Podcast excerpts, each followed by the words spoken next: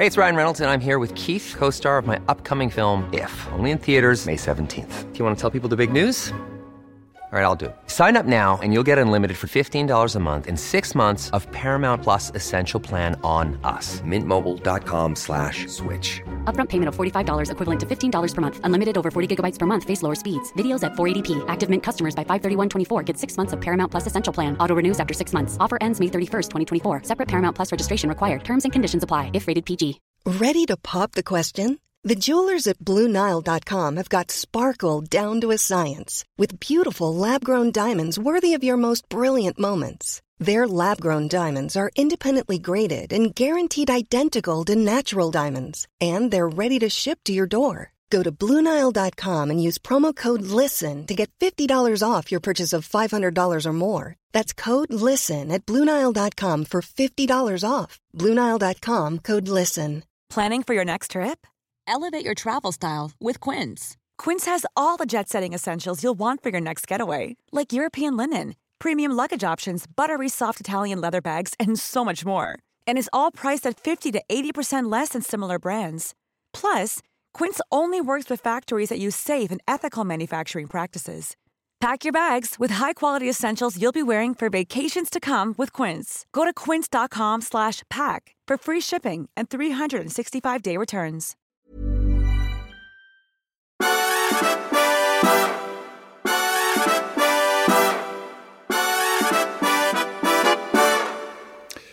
God morgon.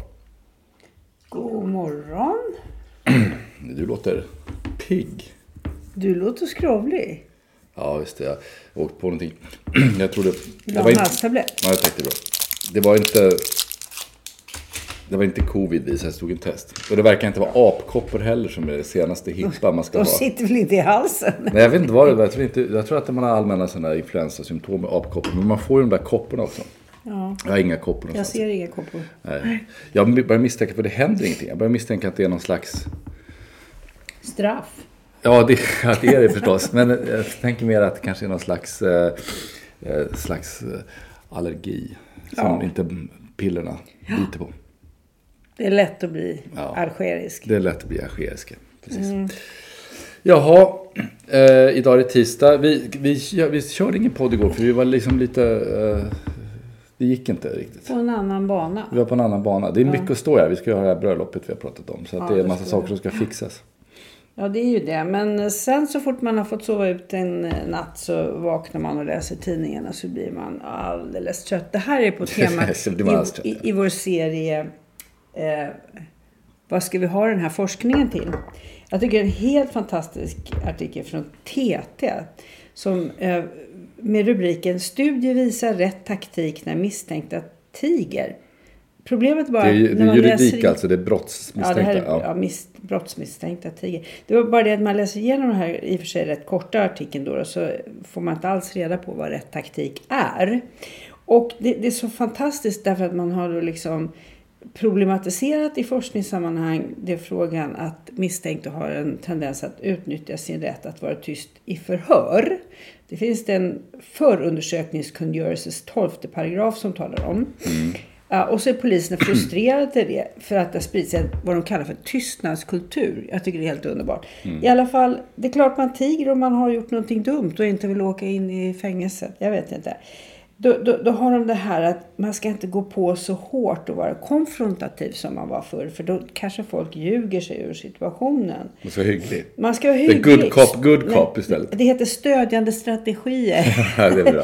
Och sen så finns det också det här att man kan då byta förhörsledare och göra flera intervjuer över tid. Och, och så kan man berätta för den misstänkta att om du samarbetar så kommer det här att bli till din fördel. För då kommer vi att kunna hjälpa dig med lite andra grejer. Det här låter som, det låter som en sokratisk metod. Du vet Sokrates, han, han menade att han talade inte om olika saker för folk. Utan han förlöste dem genom att locka dem att själva komma på grejer. Ja. Det verkar väldigt fint och avancerat.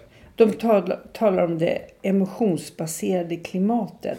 Jag, jag, jag, Vad betyder, vad, vad, det är intressant. Vad betyder det? Ja. Är det bra eller dåligt? Ja, det är emotionsbaserat, det, det, betyder i Sverige just idag att man ska vara snäll. Aha. Men Jag tror att det kunde betyda att folk blir förban- är I New förbannade. York för, för 50 år sedan så hade det antagligen varit för att man fick en Telefonkatalog i en patch huvudet. på näsan. Ja.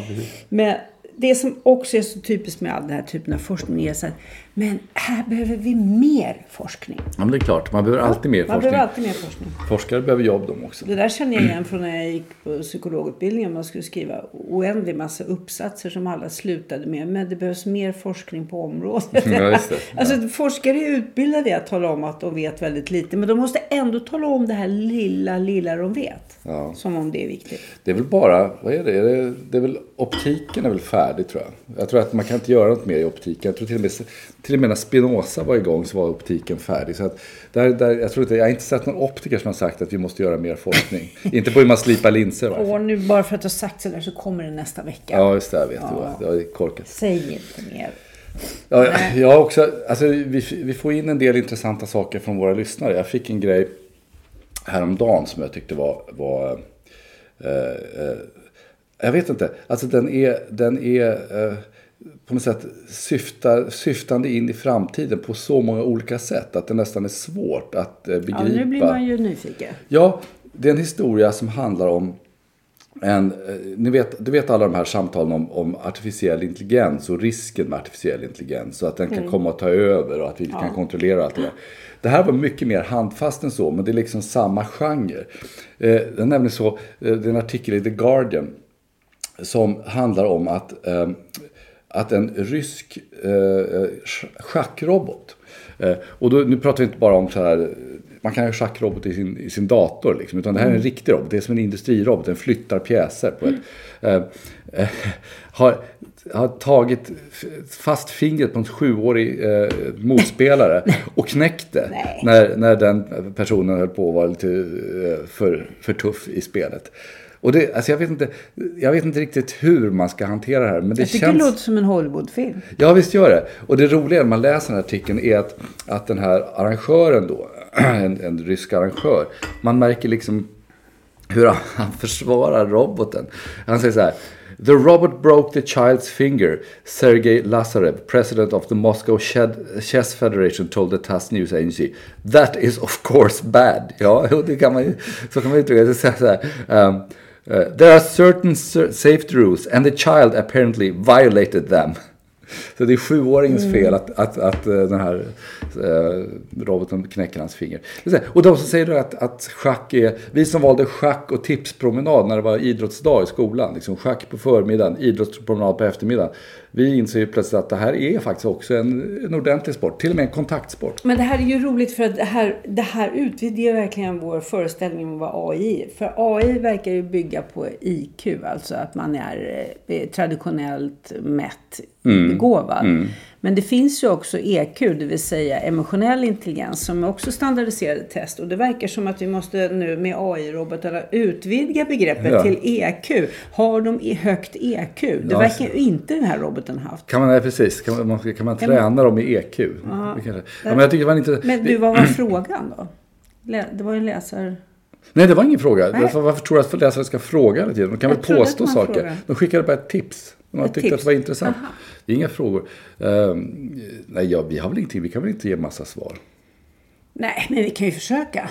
Ja, men det visar ju dåligt omdöme att be oss om, om svar på massa frågor. Nu, att nu säga. ska vi inte smutskasta de Men- få lyssnare vi har. Nej, men- förresten, ni är många. Ja, de, ja, men de flesta ställer inga frågor. Men du, um, apropå vad man läser i tidningarna. Det, är- det, är ju, det har ju liksom varit så här lågintensivt med toppar här nästan i, vad kan man säga, i varje fall tre, fyra veckor.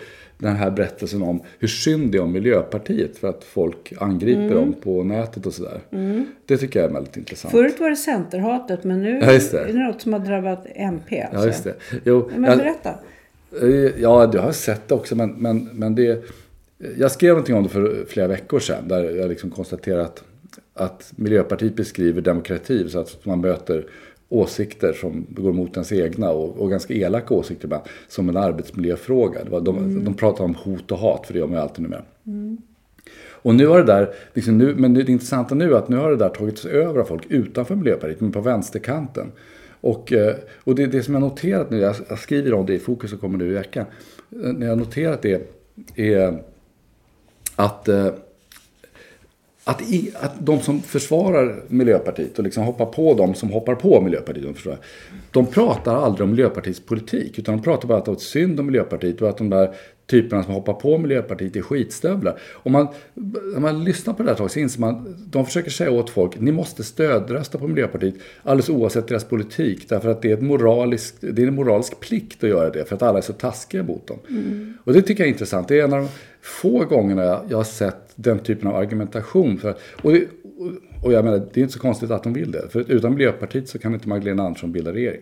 Nej, så det här är ett bedrägligt sätt att försöka smeta känslor på saker. Ja, jag tror som det. egentligen är jag tror det. mandat. Och jag håller verkligen med om att många av de som angriper Miljöpartiet gör det på ett plumpt och tråkigt sätt. Men liksom, det här är demokrati. Det är här, de har någon idé om att, att demokrati bara är till för övre medelklass med hbtqi-certifierade i Stockholms innerstad. Demokrati, alla får med demokratin, även de som har dåligt omdöme. Det är liksom en del av poängen. Det är hela poängen med demokratin. Nej, inte hela hoppas jag, men det är en del av det i varje fall. Ja, det är, det är den grundläggande delen. Mm. En, en annan sak ja. är ju eh, om det är en fråga om det här med att, att eh, offerkoftegrejen. Mm. Alltså att det tar över därför att det är så direkt rakt in i vad man tror är målgruppens idéer.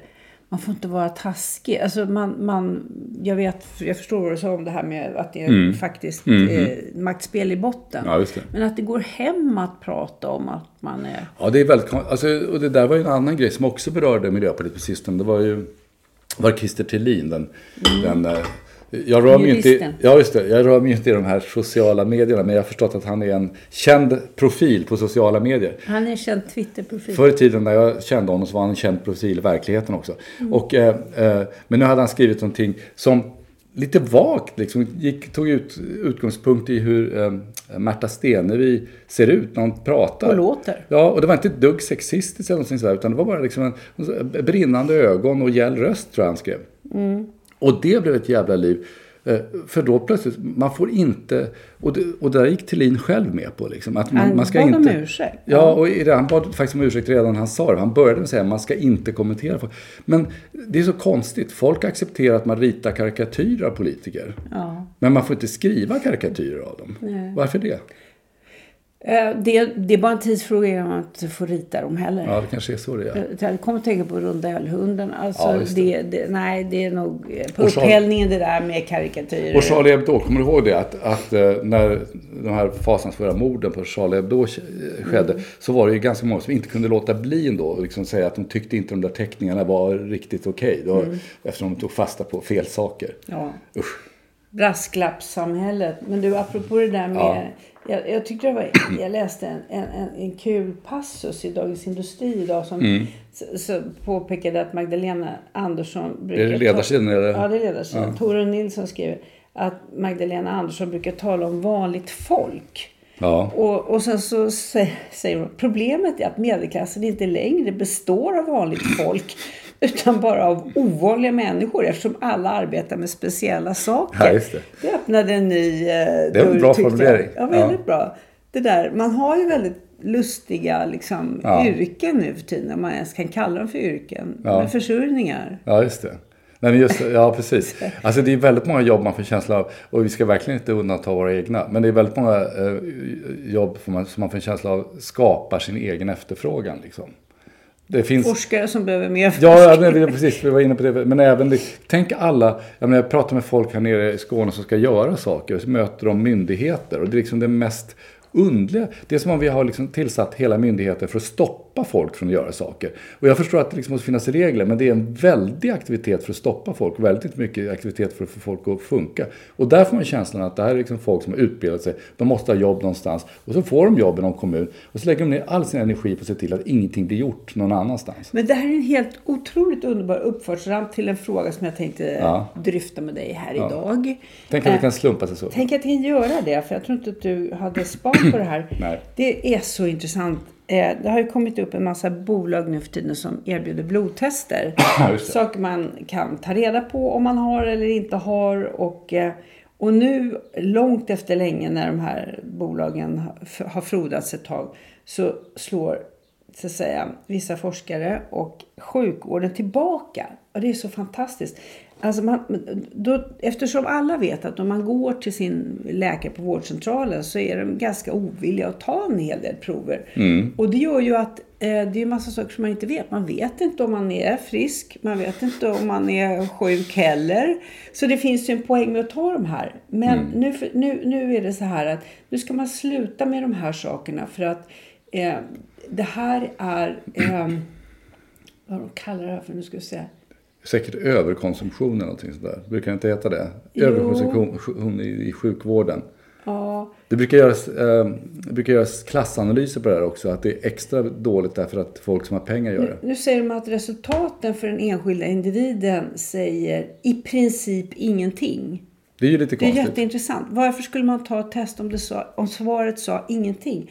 Men vad, vad de då försöker göra är ju att de försöker dra in alla de här provsvaren i en sorts annan kontext. Där det, där det är väldigt viktigt att man har en kontakt med sin läkare. Mm, det, Där blir man ju också lite mm. fylld av skratt eftersom man vet hur otroligt svårt det är att få en tid hos en läkare. Mm. Och att det oftast på vårdcentralen blir en tid hos en annan läkare Mm. än den man har listat sig åt eh, hos. Så, så det där faller ju bort. Jag, jag tycker det är så fantastiskt att de slår tillbaka på en verksamhet där människor faktiskt betalar själva ur egen ficka för att ta reda på om de har något hälsoproblem som de sen skulle kunna komma till vårdcentralen med Färdigdiagnostiserat, och bara tala om, För det vill man inte ha på vårdcentralen. Det är, är överinformation. Ja, men det är ju något skumt med det där. Och det, är det, här, det, det, det ligger ett lagförslag nu som regeringen har lagt eh, som ska, då ska slå mot eh, eh, privata försäkringar i vården. Eh, och, och jag kan förstå liksom resonemanget bakom det där. Eh, och jag skulle förstå det ännu bättre om, om den allmänna vården fungerade väl. Eh, då, då skulle jag förstå det ännu bättre. Men skälet till att vi har de här privata vårdförsäkringarna är ju att den allmänna vården inte funkar särskilt bra. Exakt. Att man inte kommer till en läkare och så vidare. Och, men det här förslaget är ju väldigt ännu märkligare. För det det egentligen går ut på är att de som då eh, ger vård enligt sådana här häl- sjukhälsoförsäkringar inte ska få ge vård också i det allmänna systemet. Så egentligen så, det, man förbjuder ju inte alls sådana här försäkringar, man stoppar dem inte. Utan man skapar en slags apartheid så att, att eh, de olika grupperna inte ska se varandra. De som är på försäkring ska, ska inte se de som går på, på, på vanlig sjukvård, de som går på vanlig sjukvård ska inte märka att det finns de som har försäkring. Det är någon slags sätt att dölja en, ett faktum som ändå finns kvar.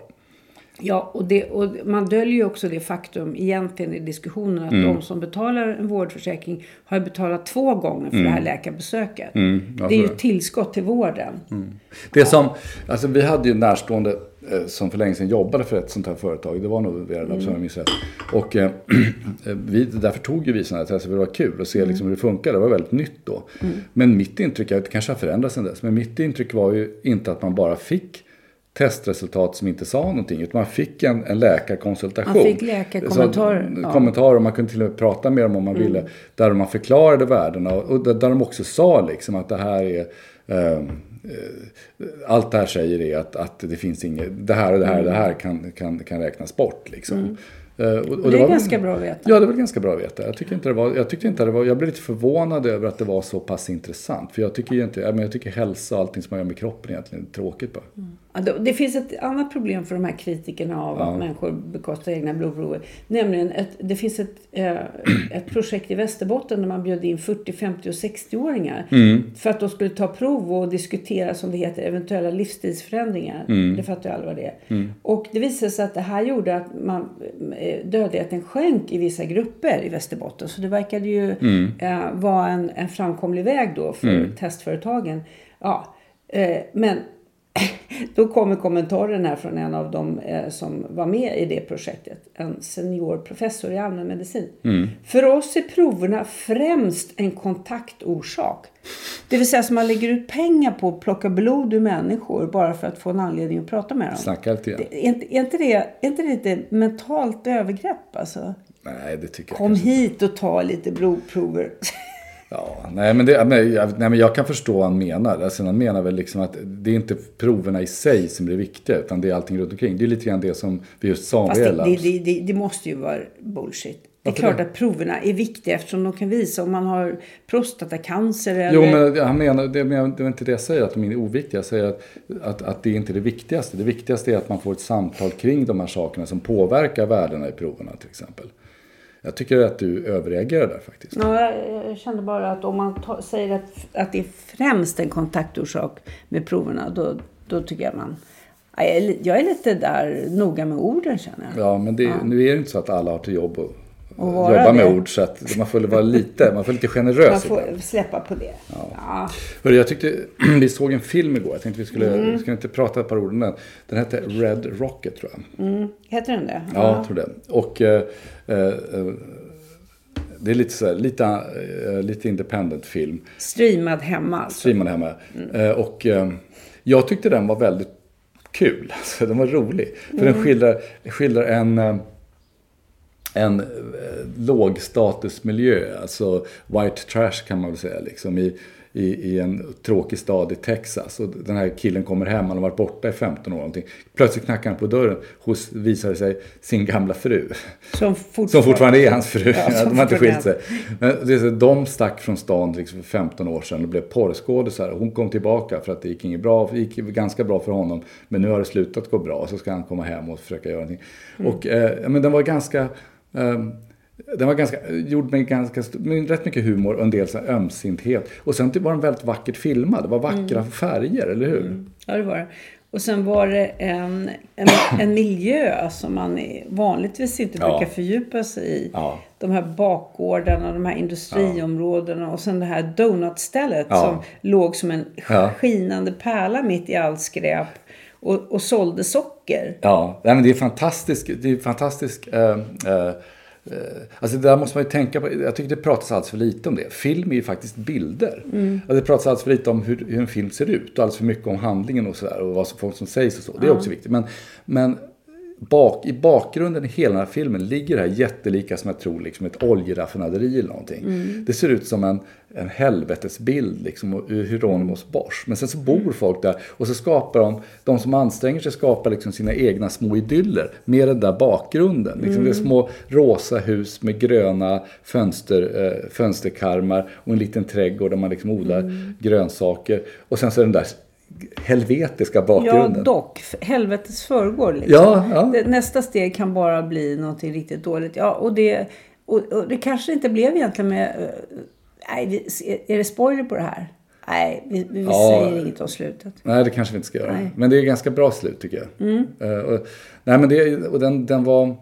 Den kändes väldigt amerikansk men på ett sätt som är, är eh, ovanligt. Alltså, och, och hur ofta brukar man försöka sätta sig in i hur en porrstjärnekarriär är? ja, jo, det fanns, Här fick inget, man mycket information tycker det jag. fanns ju varken någonting glamoröst eller någonting dömande i utan det var liksom bara... Ett hantverk. Ja, det var ett hantverk och det, ett, ett lite jobbigt hantverk för det är inte så, han, han är inte så välsedd. När han ska söka anställning och sagt att han har varit porrstjärna i 17 år, vilket han får lov att säga när han liksom försöker titta på andra saker tag. Eftersom det annars verkar som att han har suttit inne. Eller... Nej, det är precis. Ja, då får han liksom inte... Han får ingen positiv respons. Alltså, Han säger alltså, tvärtom. Det som är en merit i hans eh, dagliga jobb blir här. De kan ju känna igen dig. Ja, ja. Nej, men jag tycker det var en... eh, eh, den var kul att se. Den var, alltså, ibland är det så här, nu bygger vi upp den och då kommer folk att se den och tycka att den inte är så kul. Men, men är ibland, enkel, men- Den är enkel, men, men, det, men det är där som händer ibland när man tittar på film. Att eh, ofta nu så, så har man liksom byggt upp förväntningar, man har läst om någonting, man har hört om någonting och så tittar man på den så håller det inte riktigt måttet.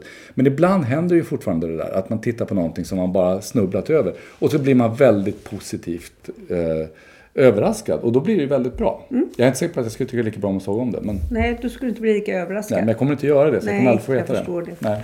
Ska vi... Och jag behöver mera kaffe om jag ska klara den här dagen. Jag ska fortsätta läsa tidningen. Ja, vi ser så. Ja. Hej.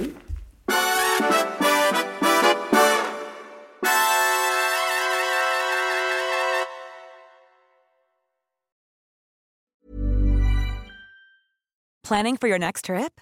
Elevate your travel style with Quince. Quince has all the jet setting essentials you'll want for your next getaway, like European linen, premium luggage options, buttery soft Italian leather bags, and so much more. And is all priced at 50 to 80% less than similar brands. Plus, Quince only works with factories that use safe and ethical manufacturing practices.